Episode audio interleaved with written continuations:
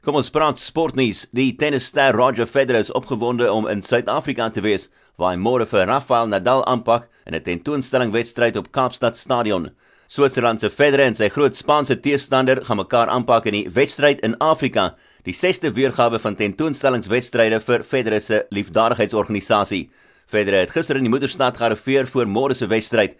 Federer is nou 38 en die eienaar van 'n rekord 20 Grand Slam titels, maar hy het nog nooit 'n tenniswedstryd in Suid-Afrika gespeel nie en sê dis hoogtyd.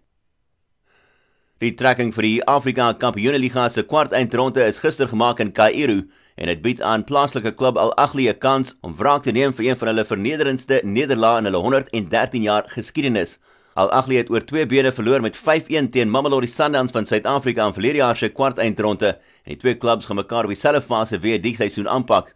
So in die kwart eindronde is dan al Ahly teen Mamelodi Sundowns, Raja Casablanca gaan speel teen TP Mazembe, Zamalek kom te staan teen Esperance en is Wydad Casablanca teen Etoile du Sahel.